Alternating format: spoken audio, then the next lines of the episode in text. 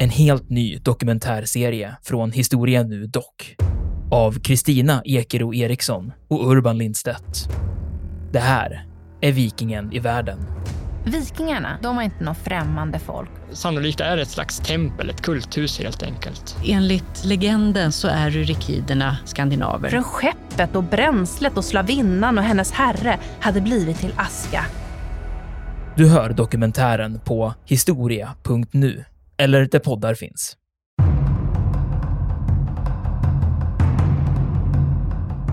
Ja, så en sak till skulle jag vilja tillägga till att Pattons, den här utbrytningen som jag nämnde då, den har han ju själv skrivit upp väldigt. Och det är ju faktiskt så här att han kannibaliserar ju på andra förband faktiskt. Tar ju både transportmöjligheter och drivmedel och sådana saker. Och han försvinner. Det är ju, det är ju alldeles tyst, radiotyst från Patton under ett antal dagar. De vet inte var han är. Man menar liksom att han kör mer sitt eget race. Och så precis som du säger, och kanske inte tillräckligt egentligen bidrar till det han skulle göra, nämligen att medverka till att stänga till den här, den här falläfickan.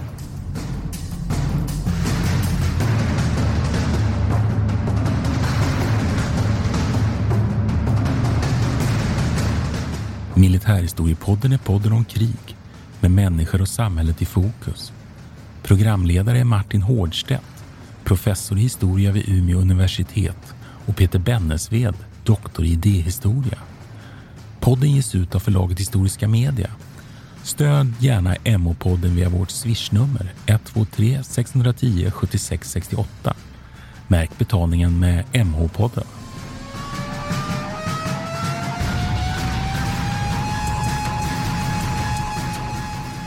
Välkommen till Militärhistoriepodden. Det här är Peter Bennesved. Och det här är Martin Hårdstedt. Och du Martin, eh, nu, jag har en fundering. Som du känner till så har jag inte gjort lumpen va? Jag var ju hörselskadad och fick inte göra detta. Det är ett problem, jag hade det inne på tidigare. Att, ja, ja, ja, jag tycker inte det. Och jag, jag kommer till varför. Jag kommer till varför just nu faktiskt. Jag vill ju bli pansarförare. Alltså, jag vet inte, det ville väl alla antar jag. Vilken tonåring vill inte köra pansarvagn liksom? Men hur som helst, eh, nu när jag läser om eh, Normandie och de här slagen och striderna som är på de här fälten. Så jag läste bland annat i Beavers bok D-dagen. Jag gillar inte han vanligtvis, men jag tog mig an den där boken i alla fall. Men jag fick, man får ju rätt mycket extra information om allting annat också. Men då fick jag höra om en läkare här nu, en amerikansk fältskär i den amerikanska armén här som, som beskrev eh, skador och hur folk dör på Normandie. Och då skrev han någonting som jag fastnade för. Att det här med de som överlever, det är såna här lite mindre, spensliga, snabba personer. Och då, Martin, kan jag trösta mig med att jag är ju ändå 1,94 lång och väger närmare 100, 90 kilo. Jag tänker att jag skulle dö fan med omedelbart på det där fältet. Då kändes det ja, Frågan är om de skulle stoppa in dig i en stridsvagn överhuvudtaget. Nej, det var precis. Det, det vet jag att folk har påpekat också. Och, det, och, och jag skulle heller inte kunna liksom kommunicera så bra eftersom jag är hörselskadad. Så jag antar att det var ett jävligt sunt beslut av den svenska försvarsmakten att inte enrollera mig ändå. Så känner jag nu. Jag lever och verkar och jag skulle dö omedelbart under de här förhållandena som råder, speciellt i Normandie. Jo. Nej, men det där är, det, det är ju spännande som du säger, att, att det gäller att ta sig ur de där vagnarna när, när man får en träff. Och det där kanske vi kan återkomma lite till här, för att vi ska ju in lite på ett, på ett av de största pansarslagen faktiskt här under andra världskriget. Och kan vi resonera lite kring det där med vad som händer när en, en projektil träffar en sån här stridsvagn och vad det fanns för faror och olika stridsvagnars känslighet och så vidare. Men nu ska vi summera upp lite. Vi har ju alldeles nyss gjort ett avsnitt som handlar om själva landningen kan man säga, eller landsättningen på eh, ja. i Normandie. Och där kan man konstatera att man kom i land 6 juni framgångsrikt, eller hur? Fem divisioner. Går illa på en av stränderna som vi konstaterar Omaha Beach, där man har stora förluster. Men den här egentligen väldigt komplicerade operationen lyckas ju. Och sen de kommande dagarna så kan man säga då att man utökar det här brohuvudet och får kontakt mellan de här olika landsättningsstyrkorna som man har landat på olika stränder och ett par dagar, ungefär 13 juni, då har man liksom skapat ett, ett sammanhängande brohuvud. Och så börjar man ju då att jobba sig upp för och det är det som vi nu ska beskriva. Och då kan man väl ha med sig också då att i det här så handlar det inte bara om soldater, pansar, utan det handlar ju om att man bygger upp en enorm logistisk apparat med flytande hamnar och sen att man ju har ett enormt luftherravälde och understöd. Det är viktigt av anledning att återkomma till. Kanske egentligen eh, framgångsfaktor nummer ett, att man ju är helt överlägsen i luften. Och sen börjar då ett, ett antal kan man säga utbrytningsförsök eller operationer nu. Så att det här avsnittet som vi nu ska, ska genomföra, du och jag tillsammans, här, det kommer ju att avrundas med att man intar Paris så småningom. Men innan vi kommer dit då, så ska vi prata bland annat om försöken att slås ut från Caen, alltså den stad som ligger närmast landstigningsstränderna. Också slaget vid Saint-Lô, men också det här pansarslaget i Falaisfickan och de operationer som så småningom leder ju till att man tvingar iväg egentligen de tyska förband som finns i centrala Frankrike och kan inta Paris den 25 eh, augusti. Så det är väl ungefär det som är ramarna, eller hur? Ja, ska, vi, ska vi säga någonting om, om förutsättningarna också i Frankrike? Visst är det så att eh, jag kommer ihåg när vi pratade om när, när Frankrike faller. Så Frankrike är ju egentligen delat också. Att det, den delen som man nu har landsatt på är ju den som är under tysk kontroll. Medan det finns ju ett Vichy-Frankrike också. Eh, om, om lyssnarna undrar varför jag chippar lite efter andan idag så beror det på att jag, jag har ramlat ganska svårt och slagit, antagligen knäckt ett reben och det gör att, att jag ibland har lite svårt att prata, men det får ni ta. Eh, Nej, men det är precis som du säger, att den norra delen av Atlantkusten den är direkt ockuperad av tyskarna, medan man lämnar så att säga den sydöstra delen av Frankrike till den så kallade Vichy-regimen som ju samarbetar med tyskarna. Och där det ju, kan man säga att det finns en diktator, det är inte en demokratisk stat. Eh, den gamla marskalken Petain som på något sätt tycker att han ska kunna rädda Frankrike genom att skapa den här, till en början då, någorlunda självständiga franska statsbildningen. Men så finns det ju också, vilket vi ju kommer till här mot slutet av avsnittet, att det finns ju då också det fria Frankrike som ju leds av generalen de Gaulle som sitter i exil i London. Och han kommer ju spela en huvudroll här så småningom. Men sen tänkte jag en annan sak som jag tycker vi ska ta upp och det är nu att den här kraftuppbyggnaden som görs nu då, så tycker jag är lite spännande att konstatera att D-dagen plus två dagar, då har man 100 000 man. D-dagen plus 10, då är man uppe i 500 000. Och sen ungefär den första juli, då har man en miljon man i Normandie. Oj, och, det är mycket. Så, alltså sammanlagt så handlar det om att man får ganska snabbt i land ungefär 25 divisioner. Och sen har man ytterligare då eh, 15 i Storbritannien. Så att den 26 juni så har man 25 divisioner och sen så spills det hela tiden på och man har ytterligare 15. Då.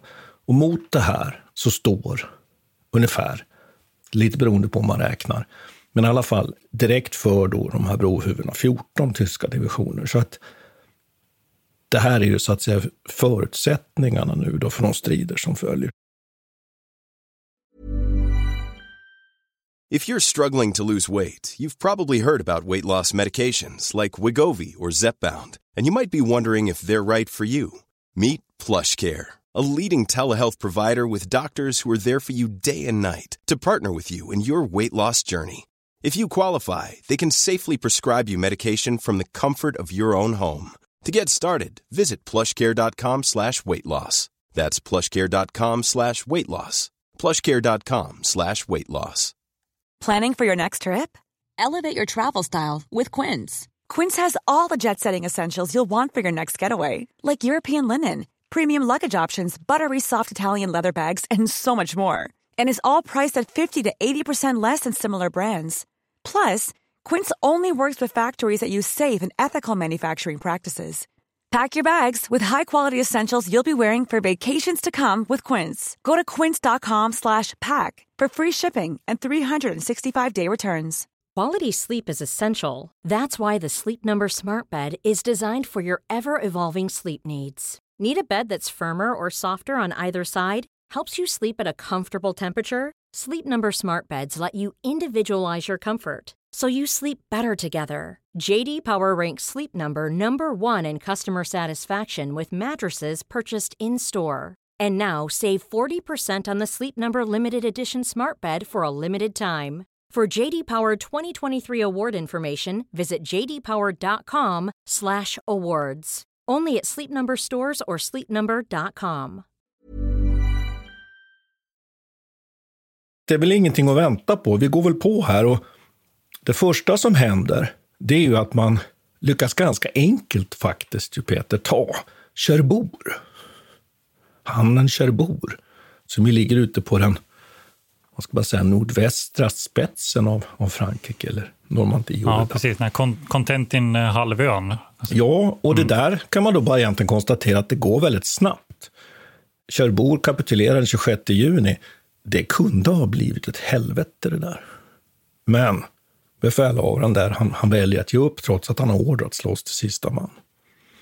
Och sen inleds då i början på juli, mitten av juli då, det här första försöket att ta sig ur brohuvudet vid Caen. Och det är Montgomery och britter och kanadensare som anfaller här faktiskt med tre stycken mekaniserade, alltså stridsvagnsdivisioner. Men åker på pumpen ordentligt. Och här vet jag, vi har pratat lite före om det här, så här har jag ju en favorit, Peter. Mm. Mm. Och det är nämligen så att svenska officerare på, som under utbildning eh, under tidigare årtionden, de har åkt ner hit till Normandie och tittat på de här taktiska och op operativa förutsättningarna i Normandie. Och det man då varit mest intresserad av, det är ju faktiskt inte så att säga, landstigningen naturligtvis, utan det är försvaret mot landstigningen. Eftersom det var ju det som var tänkt att man skulle vara förberedd på då en, en så att säga, sovjetisk landstigning, bland annat i södra Sverige eller i Bråvikenområdet. Och då fanns det faktiskt med en tysk officer där under ett antal år som eh, redogjorde för sina fördröjningsstrider just vid Cannes, mm. nämligen von Luck. Okej, så han var, med, han var med själv då? Alltså han var med själv och ah, gjorde okay. ett legendariskt mm. insats därför att han använde sig bland annat av luftvärnskanoner, tyska luftvärnskanoner, 88 och fullständigt mosade i stort sett egentligen de här tre stycken allierade pansardivisionerna. Så att de körde fast men, där, faktiskt. Men vad var, det, vad var grejen då? Att han ställde upp dem på ett väldigt eh, taktiskt bra sätt? Eller vad var det som var den själva Ja, alltså han eh, kommer vad dit. insatsen så att säga? Ja, han kommer dit faktiskt och har varit på permission. Och anfallet är redan igång. Och då samlar han ihop på karaktäristiskt tyst sätt. Man var ju så oerhört skicklig på det här. Samlar han ihop olika antitankförband, artilleriförband och luft, 88 luftvärnsförband och organiserat motstånd och lyckas då från en höjd utanför Kano hitta så pass bra positioner och stridsställningar för de här kanonerna så att han lyckas alltså helt enkelt mosa i stort sett de här två pansardivisioner som har förluster alltså nästan upp till hälften av sina stridsvagnar. Och det gör att här kör man fast. Sen i efterhand menar Montgomery att meningen med det här var inte att vi skulle lyckas bryta ut. Och där kan man ju diskutera. Utan det var att vi skulle suga åt oss alla de tyska pansardivisionerna, för det gör man faktiskt. Tyskarna sätter in åtta stycken divisioner här för att stoppa det här utbrytningsförsöket. Och det öppnar ju upp för det som vi kommer nästa steg här, nämligen att amerikanarna ju längre västerut inleder då en, ett utbrytningsförsök för att så att säga runda nu tyskarna. Först österut och sen gå norrut. Och det här slaget vid Saint-Lô då, den 25 juli till 2 augusti. Och där amerikanerna alltså möter mycket, mycket mindre tyskt pansar. Så här finns det ändå mening med den här misslyckade operationen då. Och i det här slaget då vid Saint-Lô där, där genomför då Patton, som är tredje armén, Patton, befälhavaren för tredje amerikanska armén, som är underställd Bradley, för det är Bradley som är chef på amerikanernas sida här. Han genomför då en utbrytning, då, genombrottet vid Avranche, och börjar då helt enkelt att kringgå de tyska förbanden. Först alltså österut och sen viker han upp norrifrån. Då. Och det här tillsammans med att så småningom då, tyskarna måste ju falla tillbaks från Cairn också, britter, kanadensare, amerikaner börjar nu att inleda en inringning av tyskarna kring en, en ort som heter Falain. Och där, i den här, kring Falais, kommer det sen att utspela sig ett stort pansarslag. Men det finns en sak till jag skulle vilja kommentera där, som är väldigt känt från de här striderna i Normandie. Och det är att innan man når ut på de här lite mer öppna slätterna, lite mer centralt i Frankrike, så måste man kämpa i ett område men väldigt, väldigt speciellt. Där hela landskapet är liksom genomkorsat av stora, stora häckar.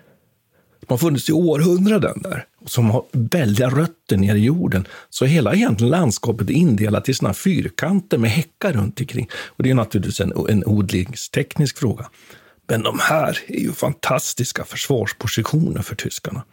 Så vi gräver ner sig bland rötterna där och sätter antitankkanoner, kulsprutor.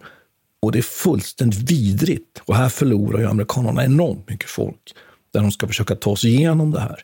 Men då lyckas man då så småningom bryta sig ur det här området liksom, och komma ut på slätterna. Jag tror att det är just det där som du pratar om nu, som den här eh, fältläkaren diskuterar. De som överlever den här, eh, jag tror att det kallas för eh, bocage. Va? Just det. Eh, La Normande bocage. Jag vet att Beaver har ett helt avsnitt som bara handlar om det där, bland annat.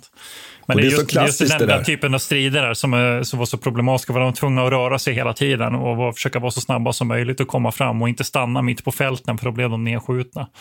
Ja, och tyskarna är mycket skickligare som soldater många gånger. Eh, mera välutbildade med större erfarenhet. Och amerikanarna, kanadensarna och britterna, de är ganska egentligen oerfarna, många av dem. Så de lär sig det här ganska dyrköpta lärdomar. En del eh, gör så att de monterar såna schaktblad på Sherman-stridsvagnarna. Och så bara kör de igenom de här buskagen liksom, för att få undan de här. Så att man försöker liksom improvisera. Va? Men eh, så småningom då så kommer man förbi de här områdena ut på områden som är mer då lämpade för, för stridsvagnskrigföring. Och så finns det en sak till jag tycker man skulle kunna lägga till. Där, att amerikanerna börjar redan i, i slaget om Caen, så börjar man att använda sig helt enkelt av att man lägger bombmattor. Man alltså bombar där man, där man uppfattar att tyskarna finns. Och Det är faktiskt så att i vissa fall så lyckas man ju träffa alltså koncentration av stridsvagnar. Och som gör ju att redan från början är tyskarna oerhört decimerade när så att säga, det allierade pansaret väl rullar in. Då. Så det tycker jag också är en, en sån där fascinerande, om man nu säger nu inom citationstecken, eh, nyhet då här i, i krigföringen. Hur, hur de allierade utnyttjar också sitt tunga bombflyg genom att lägga bombmattor. Men det är för att de också har möjligheten till det, för de helt och hållet dominerar luften med, kan man ja, tillägga. Att de har egentligen inget motstånd här. I, men, i den, men du, då har vi egentligen kommit ja. fram då till det här falläslaget där då nu. Som, och, då kan man ju tycka så här, varför retirerar liksom inte tyskarna ur den här kniptången nu som håller på liksom att, att, att sakta du nu då fånga in dem? Ja, det är därför att Hitler lägger sig i här och menar att man ska liksom försöka någon sorts motoffensiv. Så att samtidigt som amerikanare är på väg runt med Patton i spetsen och britter och kanadensare från andra hållet, ja då, då söker egentligen tyskarna sig ännu längre in i den här fickan egentligen. Och det är för att Hitler tvingas fram då de här motoffensiverna med pansardivisioner. Och de här inleds då i början på augusti. Jag tror att det är 7 augusti som man börjar på allvar med de här motanfallen från tysk sida. Och Det är också tycker jag fascinerande. Varför kör de fast? Jo, de kör nämligen fast på allierade infanteridivisioner. Jo, därför att man i de allierade divisionerna, framförallt de amerikanska, har väldigt mycket antitankvapen. Så det gör att man kan alltså Grupperar man rätt, gräver ner sig och använder de här antitankvapnen så kan man stoppa tyska pansardivisioner och också med de här bombmattorna som vi pratade om här. Då. Och här nu då vid Falais så kommer det framför allt då att handla just om hur, hur de här olika pansarstyrkorna möter varandra. Och här tycker jag man skulle kunna nämna någonting. Den här Sherman-stridsvagnen, du Peter. Den är ju så legendarisk, mm. eller hur? ja, absolut. Den amerikanska Sherman-stridsvagnen. Som ju egentligen inte kanske var så där väldigt bra egentligen. Utan man räknar ju med ja. att det går åt ungefär fem sådana Sherman-stridsvagnar för slut en Panter, en, en Panter-stridsvagn på den tyska sidan. Och sen är det också så att det är första gången här faktiskt som också tyskarna använder sin riktigt tunga stridsvagn, Tiger 2-stridsvagnen. Tiger 1 har man med, men också Tiger 2-stridsvagnen finns med här i de här pansarslagen kring, kring Falais. Och tyskarnas förluster här kommer att bli väldigt märkbara och kännbara så småningom. Man förlorar ju väldigt mycket, mycket materiel. För att slutet på hela den här på Falaislaget, det är ju så småningom att den här fickan, den tvingas man ju faktiskt att utrymma. Och man får lämna väldigt mycket av sin tunga materiel. Men man lyckas liksom rädda ungefär 50 000 soldater ur den här fickan. Då. Och då är vi faktiskt framme vid, det är omkring den 20 augusti, så, så sker då den här sista, liksom, att man försöker stänga till där. Då. Men eh, jag tror att det är 50 000 som tillfångatas, va? Ja, förlåt. 50 000 ja, ja, ja, precis. Ja. Men för det där, jag tycker vi kan stanna upp lite vid det där, för det där är intressant. Det jag hittar när jag läser det är att det också handlar mycket om logistiken, här, bensinen, eller hur? De har väl enorma problem att få de här tyska pansarvagnarna faktiskt röra på sig. Det finns ju en intressant eh, dimension här också i det att man kan avläsa egentligen tysk radiotrafik utan problem. Det har, vi, det har vi nämnt många gånger förut, men det, det, här får ju verkligen en väldigt direkt inverkan på det, att man faktiskt vet om att tyskarna tänker inte fly från den här fickan, utan de tänker fortsätta att göra sina offensiver. Och att de då får också reda på att de inte har nog med bensin och, och liksom har, har svårt att röra på sig överhuvudtaget. Så vid, vid sidan om slaget vid Kursk som vi har behandlat här i podden så är det här faktiskt den största pansarkoncentrationen i, i mm. under andra mm. världskriget. Och det här mm. sker då alltså kring i den här så kallade Falais-fickan. Alltså det tycker jag är en sak som man kan nämna. Sen finns det några till saker jag tycker man kan ta upp här. Och då tänkte jag bara det att dels är det så att den här Rundstedt som ju är chef för Armégrupp Väst inledningsvis här, han får ju order av Hitler naturligtvis att stoppa och slå den här den allierade landstigningsstyrkan. Då. Men han inser att det här kommer inte gå, så redan 5 juli så blir han ju utbytt. Han säger att Hitler, det är lika bra att du sluter fred nu, för det här kommer inte att hålla. Och då blir han utbytt och istället kliver en ny man, och Kluge in här istället och är chef. Då. Och han tvingas ju att genomföra den här motoffensiven då, som för övrigt faktiskt hette för Liège man anspelar på den genombrott som Ludendorff gjorde på västfronten under första världskriget. Och han, han gör ju halvhjärtat, han är ju tvungen att lyda order, men tror ju inte särskilt mycket på den här. Så även han tvingas så småningom då att avgå. Jag tror att det är den 5 augusti som han lämnar. Och då är det så här att då har det ju inträffat ett försök att mörda Hitler den 20 juli. Och Klog är ju en av de här då som Hitler och Gestapo då anser är inblandade i det. Så att han väljer ju sen där så småningom då att ta sitt liv. Det väljer ju faktiskt också Rommel som är en figur vi har pratat om i samband med Norm Normandie. Så att det händer ju väldigt mycket annat här också. Den där, det där attentatet, det sker ju vid, vid den här staben i Varglyan i, faktiskt på östfronten. Och det tycker jag man också kan komma ihåg här att den 22 juni, den 22 juni så har ju ryssarna, eller den Röda armén, inlett sin stora motoffensiv Bagration. Så det är väldigt mycket som händer här. Och, och, Tyskland är ju oerhört pressad. Samtidigt också kan man nämna, så försöker ju Hitler släppa iväg de här V1-raketerna. Han tror att det ska kunna vända, vända kriget. Men det är mycket som händer de här ja. då, månaderna efter okay. landstigningen också. There's never been a faster or easier way to start your weight loss journey than with PlushCare. PlushCare accepts most insurance plans and gives you online access to board-certified physicians who can prescribe FDA-approved weight loss medications like Wigovi and Zepbound for those who qualify. Take charge of your health and speak with a board-certified physician about a weight loss plan that's right for you. Get started today at plushcare.com slash weight loss. That's plushcare.com slash weight loss. plushcare.com slash weight loss. Cool fact, a crocodile can't stick out its tongue. Also, you can get health insurance for a month or just under a year in some states. United Healthcare short-term insurance plans, underwritten by Golden Rule Insurance Company, offer flexible, budget-friendly coverage for you. Learn more at uh1.com. This is Paige, the co-host of Giggly Squad, and I want to tell you about a company that I've been loving, Olive and June. Olive and June gives you everything that you need for a salon quality manicure in one box. And if you break it down, it really comes out to $2 a manicure, which is absolutely insane. It's also so easy to get salon worthy nails at home with Olive and June. The difference between how your nails used to look when you did them yourself and now with the Manny system is a complete game changer. The best thing about Olive and June too is it's a quick dry, dries in about one minute, lasts for five days, and full coverage in up to one to two coats. Visit oliveandjune.com slash perfectmanny20 for 20% off your first system. That's oliveandjune.com slash perfectmanny20 for 20% off your first system.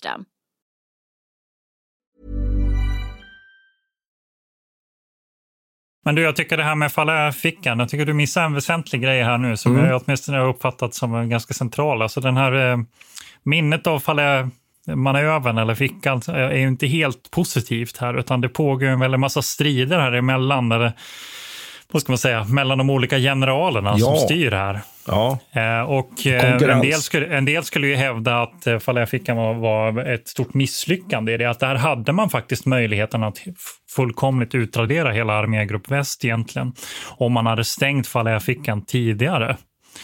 Ja, och sen en alltså, sak till skulle jag vilja tillägga till att Pattons, den här utbrytningen som jag nämnde då, den har han ju själv skrivit upp väldigt.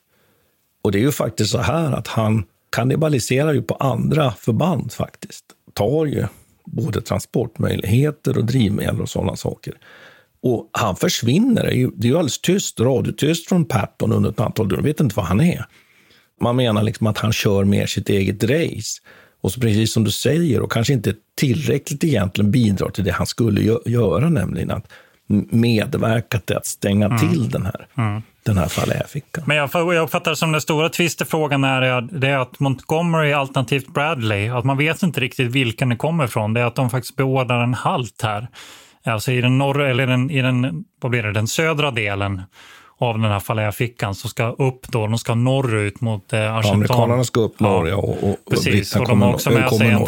Ja, de har med sig en fransk pansardivision här också. just det. Eh, och ska de knyta ihop detta och de ska möta britter och kanadensare uppe vid Argentan. Eh, och så ska de på något vis låsa in då, eh, hela den här tyska armén.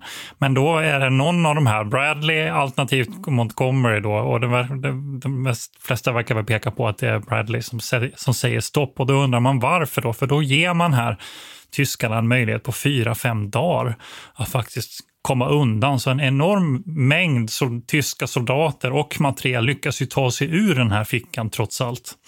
Så i slutändan är det ju inom situationstecken bara 50 000 tyska soldater som blir infångade och, och, och blir krigsfångar. Va? För det kunde ha varit närmare, spekulerar man då, det är väl ingen som vet exakt här, ska man väl komma ihåg, men spekulerar att det kunde ha varit 250 000 Eh, ungefär. Att det var så pass. Och hade detta hänt då så säger man, ja okej, men då hade vi kanske inte ens behövt Operation Market Garden och det som sen kommer följa på det här. Eh, och att det har varit en he- helt annan förutsättningar på vägen mot Berlin sen.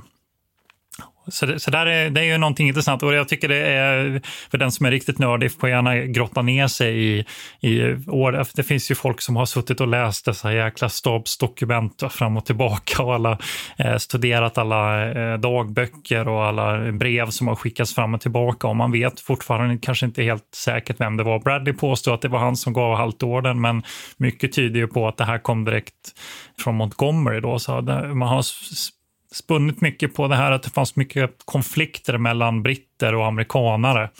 Eh, mycket avundsjuka och eh, en, en hel del olika syn på hur det här kriget skulle, skulle föras egentligen. Ja, det kan man ju lägga till att redan det här första egentliga, eh, man har ju faktiskt ett telefonmöte, det är lite lustigt. Det är ju är det, en- det är ett slags Saint Louis på gång, att just det här att ska vi göra den här svingen med Patton?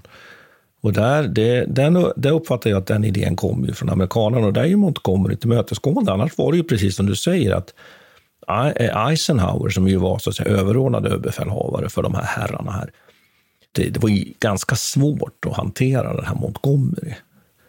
Och jag tror att även herrar Bradley, för att inte prata om en sån som Patton, den, den som väl var mest här så att säga smidig, det var väl Eisenhower. Och det är väl kanske egentligen hans riktigt, riktigt stora insats. Den är ju att han lyckas, lyckas hålla fred mellan de här Ja, tupparna under, under här. Men jag tänkte på en sak man skulle kunna kommentera här. Den är ju att, bara för att stanna kvar lite innan vi lämnar den här falärflickan, och den är ju att den här pansarslaget som då kommer att utspela sig där. Då, då den sker ju då med ett väldigt, väldigt starkt allierat lufttryck och vi har varit inne på de här bombmattorna. Och det är faktiskt så till exempel att den här Tiger 2-stridsvagnen som jag nämnde här, de, de släppte man inte ut på pansardivisionerna utan de hade man i sina spjutspetsbataljoner som man då kunde använda som överbefälhavare så att säga på, på, ett, på ett frontavsnitt och sätta in då när det behövdes för motanfall eller för, för genombrott eller när det blev kris. Och just det här att faktiskt de här stridsvagnarna bombas faktiskt i större utsträckning än att de slås ut av, av, av allierat pansar. För det kan man väl, kan man ju bara nämna här att de här Tiger 1 och Tiger 2, de har ju den här 88 mm kanonen och hade ju en enorm förmåga att penetrera alltså det allierade pansaret. Och de hade ju vissa brister, de här tunga stridsvagnarna, framförallt Tiger 2. För de var ju oerhört tunga, uppåt 70 ton. Men de kunde egentligen på stridsfältet egentligen stå still och välja sina mål. Därför att de hade sån överlägsen då, eh, beväpning. Medan då Körmanstridsvagnen framför allt, dess fördel var ju att den var enkel att producera, den var, var eh, man kunde lita på den. Den hade en hyfsad kanon ändå. Och den framförallt var ganska snabb och framförallt att det fanns oerhört många av dem. Men man ska väl ha klart för sig att tyskarna är ju fortfarande vid den här tiden överlägsna när det gäller taktiskt. Men de faller ju till föga inför luft, det allierade luftherraväldet och naturligtvis den mängd av materiel som de möter från de allierade. Så det tycker jag man kan, kan eh, slå fast här. Då. Och också att det är idiotiskt, får man väl säga, att man står kvar och tar den här fighten vid, vid Falais. Man skulle ha fallit tillbaks. Mot Paris. Ja, och då är ju nästa steg hur Paris där. Ja. ja, precis. Men nu är frågan då, vad gör man sen? För att nu har de fångat in där och den tyska eh, armégrupp väst, eller det som finns kvar av den. Och, och, man har ju nått en stor seger och nu är vi framme den 25 augusti ungefär. Nej, förlåt. Då är vi framme vid, vilket datum 20 är det? augusti skulle jag vilja säga. Augusti. Patton, jag tror att vissa förband av amerikanerna går väl över Seine den 19 augusti. Det finns några framskjutna. Mm. Så man har ju börjat liksom egentligen ringat in. Och, och visst är det väl så nu då, Peter, att man har väl, Bradley har väl för avsikt att gå runt Paris? Va? Ja, men precis. Jag tänkte prata om det. Ja, för, det för det är inte helt, eh, helt solklart här att, det verkligen skulle, att man verkligen tänkte gå mot Paris. För att, och det är väl lite det som är grejen här och som jag tycker är intressant med det här när, när Paris faller. Att det finns lite två olika tolkningar här. Och som du nämnde tidigare så är ju de Gaulle med i, i spelet här. Han sitter ju i London. Och han har skickat iväg då sin eh, Jacques Leclerc, som en, en fransk general, för detta han eh, var kapten eh, under 1940, men sen har, har han eh, blivit skickad till Afrika och byggt upp en kår där. Och han formar då den andra franska pansardivisionen och kommer fram till Normandie den 1 augusti. Denna eh, divisionen inlemmas då i Pattons tredje armé. Så han lyder under Patton och Bradley här under början av falaisfickan och får följa med under den här södra omringningen av eh, eh den tyska armén. Va? Men det är ju så här att de Gaulle, han har ju sin agenda. Han har ju Paris som sin agenda. Men Eisenhower har ju en annan agenda som är mer strikt militärtaktisk. Och ur det militärtaktiska eh, perspektivet så alltså var inte tagningen av Paris särskilt prioriterad. För där såg man dels en risk att staden kommer att förstöras, för det, har, det vet man att det har Hitler bestämt. Att vi lämnar inte Paris utan att det ska vara i ruiner. Och sen så finns det ett annat problem då med de eh, logistiska resurserna. Man såg framför sig ett väldigt enormt besvärligt slag av typ Stalingrad som man inte ville åstadkomma runt Paris. Va? Och allt, det, allt vad det som krävdes här. Och man var också lite orolig för det rent humanitära perspektivet. Ska vi behöva lösa all mat och allting var efter det här är, är, är genomfört. Så Eisenhower vill egentligen bara passera Paris. Men det blir ju allt mer tydligt då att så småningom att ja okej, okay, men om vi lämnar Paris så finns det fortfarande cirka 20 000 tyska soldater i det här Parisområdet som då riskerar att kunna falla in i, i de allierades flank här. Så, så småningom så uppenbarar sig även ett militärtaktiskt, en militärtaktisk fördel med att faktiskt ta Paris. Men den här Leclerc då, eh, som jag, jag säga att jag är jävligt fascinerad. Han är ju alltså liksom en, en karismatisk fransk aristokrat egentligen. Och hade fått legendstatus i sina insatser nere i Afrika tillsammans med Montgomery. Eh, och väldigt skeptisk till amerikanerna och sådär. Men, men, så ni, eh, Ja. Ja, men han har ju gett namn till en stridsvagn faktiskt, som ju Ja, Sverige hade det. på test Ja. här faktiskt. Den Ja. konkurrerade ju med Leopard 2 och Abrams 1 faktiskt en gång Mm. i tiden. Han, Intressant. han är en Mm. intressant karaktär då, som, som leder den här andra eh, pansardivisionen. Och han hela tiden så vill han ju gå mot Paris, för hans överordnade mål är ju att gå dit. Och han är ganska svår att ha att göra med. Han gör ju inte som de amerikanska befälhavarna vill, utan han agerar ju lite på egen hand hela tiden. Eh, och det är ju lite av ett problem då. Men sen slutligen så får han ju klartecken från eh, eh, hans överordnade chef då Bradley att okej, gå mot Paris. Så det här är ju ett, ett litet intressant drama i sig. De ska ha mötts här nu då. Nu har, nu har Eisenhower och Bradley konfererat och man har bestämt sig slutligen för att man ska ta Paris. Leclerc sitter på ett flygfält tillsammans med Hodges och väntar på att det ska komma besked här. Och då ska Bradley komma med ett flygplan här nere, landar och träffa Leclerc på, på landningsbanan och är mer eller mindre bara skriker åt Leclerc, gå mot Paris. Ja. Och då får han den här liksom signalen då, och då, och då börjar han skicka iväg sina... Det tar dock ett dygn tror jag. Vad vill du kommentera på det? Nej, alltså det, det, som jag, det som jag också har fått uppfattning är väl att den här Leclerc då, han, han ställer dem väl inför egentligen ett litet liksom operativt eh, eh, fait accompli där, för han har väl redan börjat förflyttningen. Ja, precis. Han har skickat iväg en förtrupp och det är därför han ställer Ja. till det. Va? Han skickar iväg 150 man ungefär och ett gäng eh, pansarvagnar. Och, det, och för det han vill åstadkomma det här är att han, han får nys om att amerikanska kårer och divisioner börjar närma sig Paris. Han vill ta och det inser- först. Ja, och han vill vara med först som representant för det fria Frankrike under de Gaulles ledarskap. Det är det här man diskuterat lite grann, att Eisenhower hade kanske lite svårt att förstå de här, eh, de politiska konsekvenserna av att de Gaulle inte var först på plats. Va? För att eh, som vi alla känner till är ju Paris område eller en stad som är väldigt känd för sina politiska fraktioner och så är det ju även under motståndsrörelsen här. Under, eh, och man är väldigt rädd för att det ska leda till ett slags inbördeskrig och olika konflikter. Ja, vi kan ju det- prata klartext. Det handlar om att man Ja. är rädd för kommunistiska Ja. eh, del, den kommunistiska delen av, av motståndsrörelsen. Precis, och då är det väldigt viktigt att de Gaulle kommer fram. Och Eisenhower är lite skeptisk, och precis som Churchill var, mot de Gaulle också här. Man är inte helt säker på att han har det franska folkets stöd, men allt eftersom så verkar det vara de idéerna börjar luckras upp och man bestämmer sig för okej, vi tar Paris, vi skickar in de Gaulle. Och i, är i det här skedet då som Leclerc får den här ordern. Men du har, du har helt rätt i det att han redan innan, alltså han hade tydligen så snodde han åt sig bensinransoner och sånt där också, alltså i förberedande syfte då, för att han, eh, ja, för Fast han ville vara helt säker på. Bradley, han, han, är egentligen, han, han liksom konfirmerar egentligen bara det som, som egentligen är på väg att hända. Och sen inser de väl just som du säger, de här politiska aspekterna på detta. Men det är ju inte en helt ofarlig operation in i den här Paris. Och vi vet ju att många städer, som du var inne på, förstörs ganska mycket under, under andra världskriget. Några klarar sig ganska bra. Jag var besökte Wien för, för ett antal veckor sedan. Och den klarar sig ganska bra ändå. Men det finns ju en del som förstörs där ändå. Prag också och så vidare. Medan Budapest förstörs ju. Och då pratar vi inte bara om bombningar, utan vi pratar ju om gatustrider. Så det finns ju en risk här. Och sen är det väl också så att när, när den här då motståndsrörelsen får veta att nu är de på gång, ja, då sätter ju de igång sin verksamhet inne i Paris. Och det är ju en jättefarlig sak. Ja, ja, tyskarna är ju inte ofarliga. De finns ju fortfarande kvar och kan ju mycket väl egentligen skjuta bort motståndsrörelsen. Den franska motståndsrörelsen här inser ju att detta håller på att hända, så redan den 18 augusti sätter de igång en slags generalstrejk som sen leder till en allmän revolt i princip. Och den 19 augusti så tar man kontroll över ett antal administrativa byggnader i, i Paris. Då. Och detta leder till en början egentligen inte till något tyskt motstånd. Alltså det finns, då ska vi ändå komma ihåg att det finns 5 000 tyska trupper ungefär i Paris, var 20 000 i, i, i hela I området. Mm. Ja, och de, de, de leds av eh, general Dieter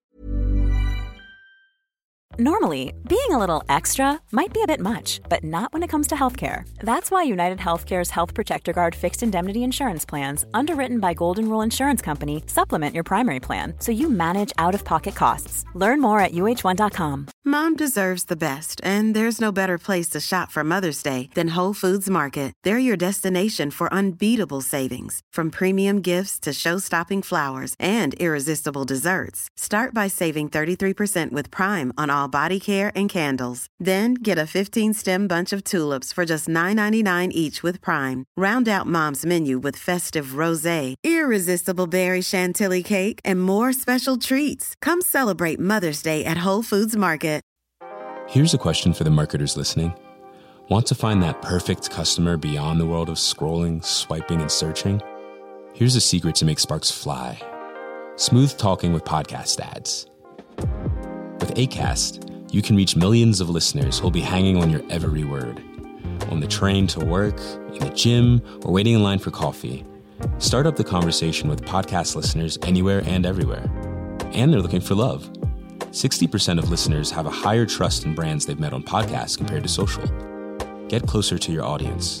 Make podcast ads with ACAST. Head to go.acast.com slash closer to get started. Von Scholtitz. Och han eh, har fått order och i princip om att han ska minera alla broar, han ska minera allt som är av värde och han ska stå kvar tills, tills Paris bara är ruiner.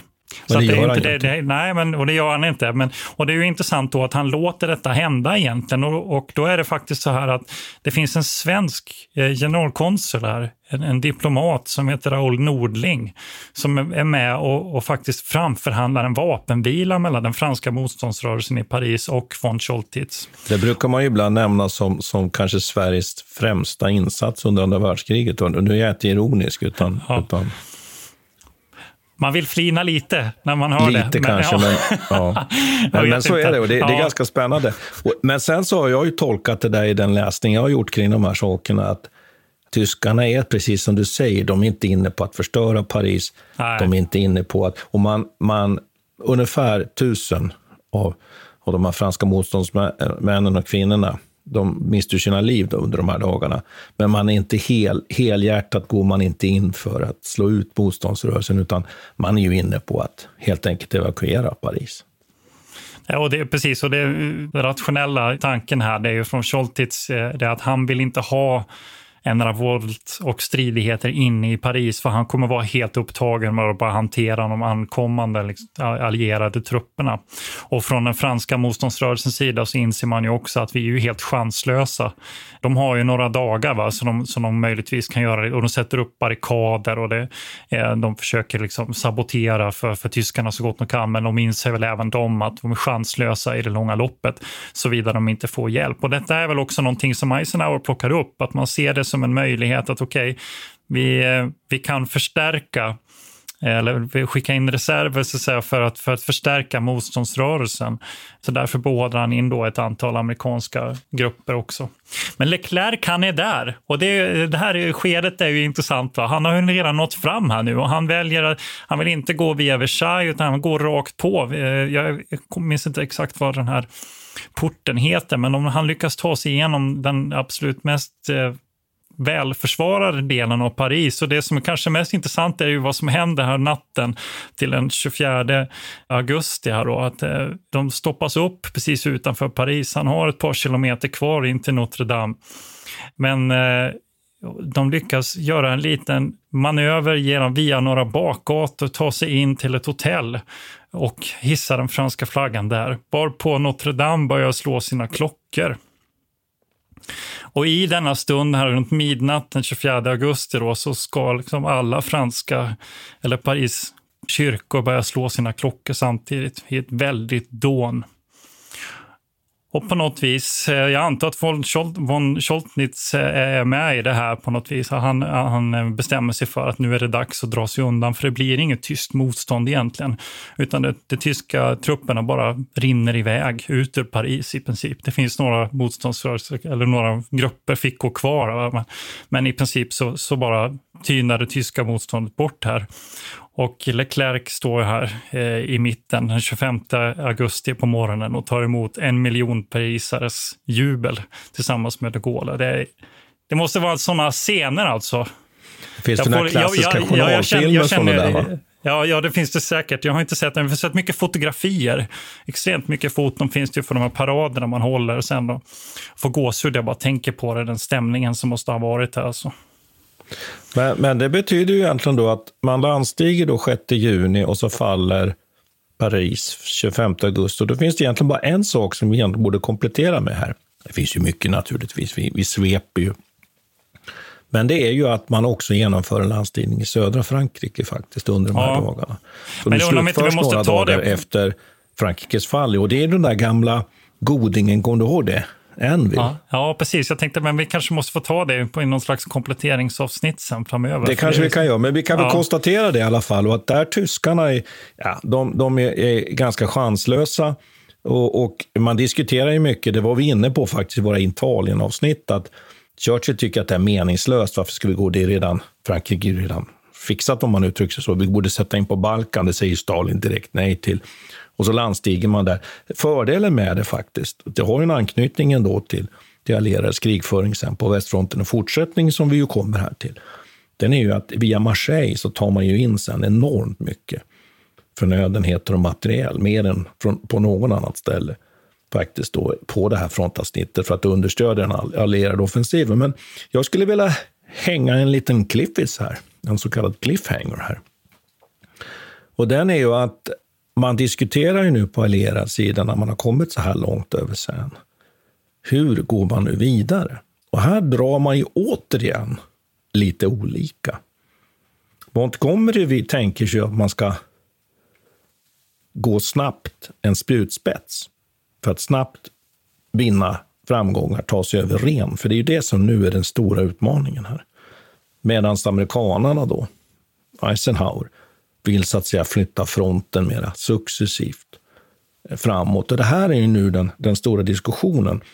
Och Montgomery får ju faktiskt chansen här. Och det är väl det som vi kommer att komma i i nästa del här. Och det är ju alltså de strider som sen så småningom gör att de allierade får kontroll över Holland, Antwerpen och den klassiska operationen mot, mot Arnhem, Market Garden. Så det är väl cliffhangern.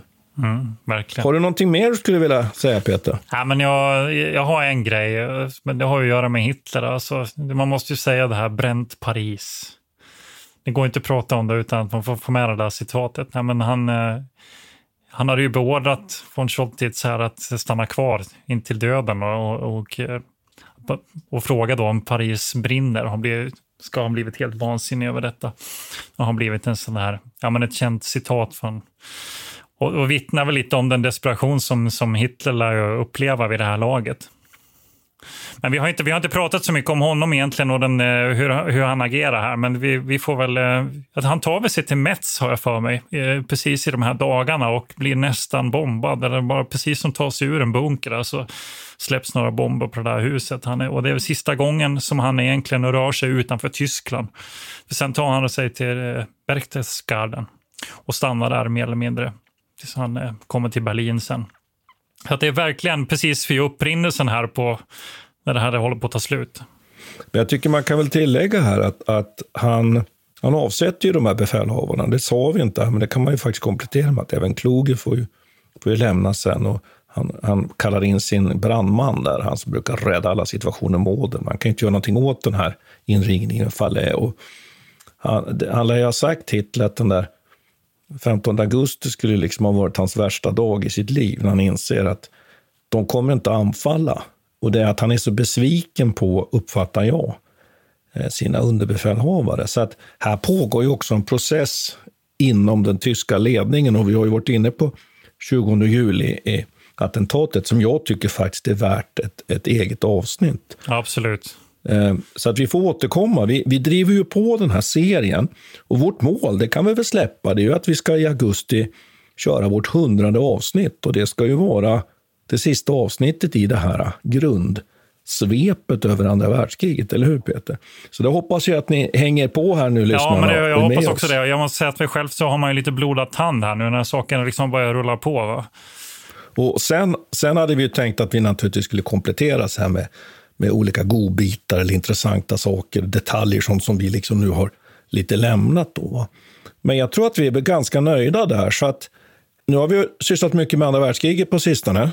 Och tanken är ju att vi ska ta lite puniska krigen faktiskt här, antiken, för att vila upp oss lite.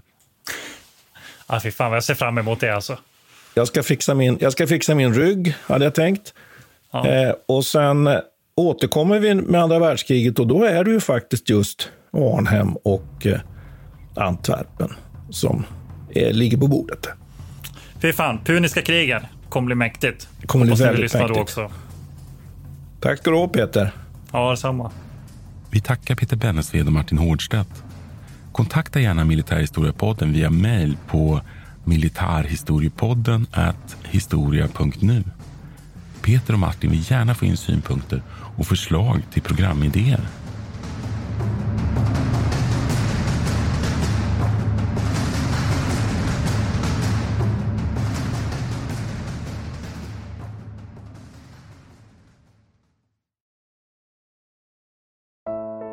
Iran har under 1900-talet genomgått tre omvälvande revolutioner som orienterat landet antingen mot västerlandets modell eller mot en auktoritär styrelseform.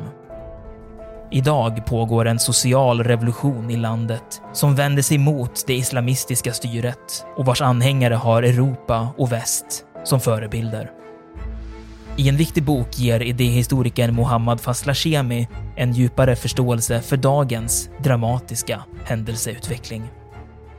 Iran mellan tre revolutioner är utgiven av förlaget Historiska Media. Beställ den fysiska boken på förlagets hemsida historiskamedia.se eller köp den i en bokhandel nära dig.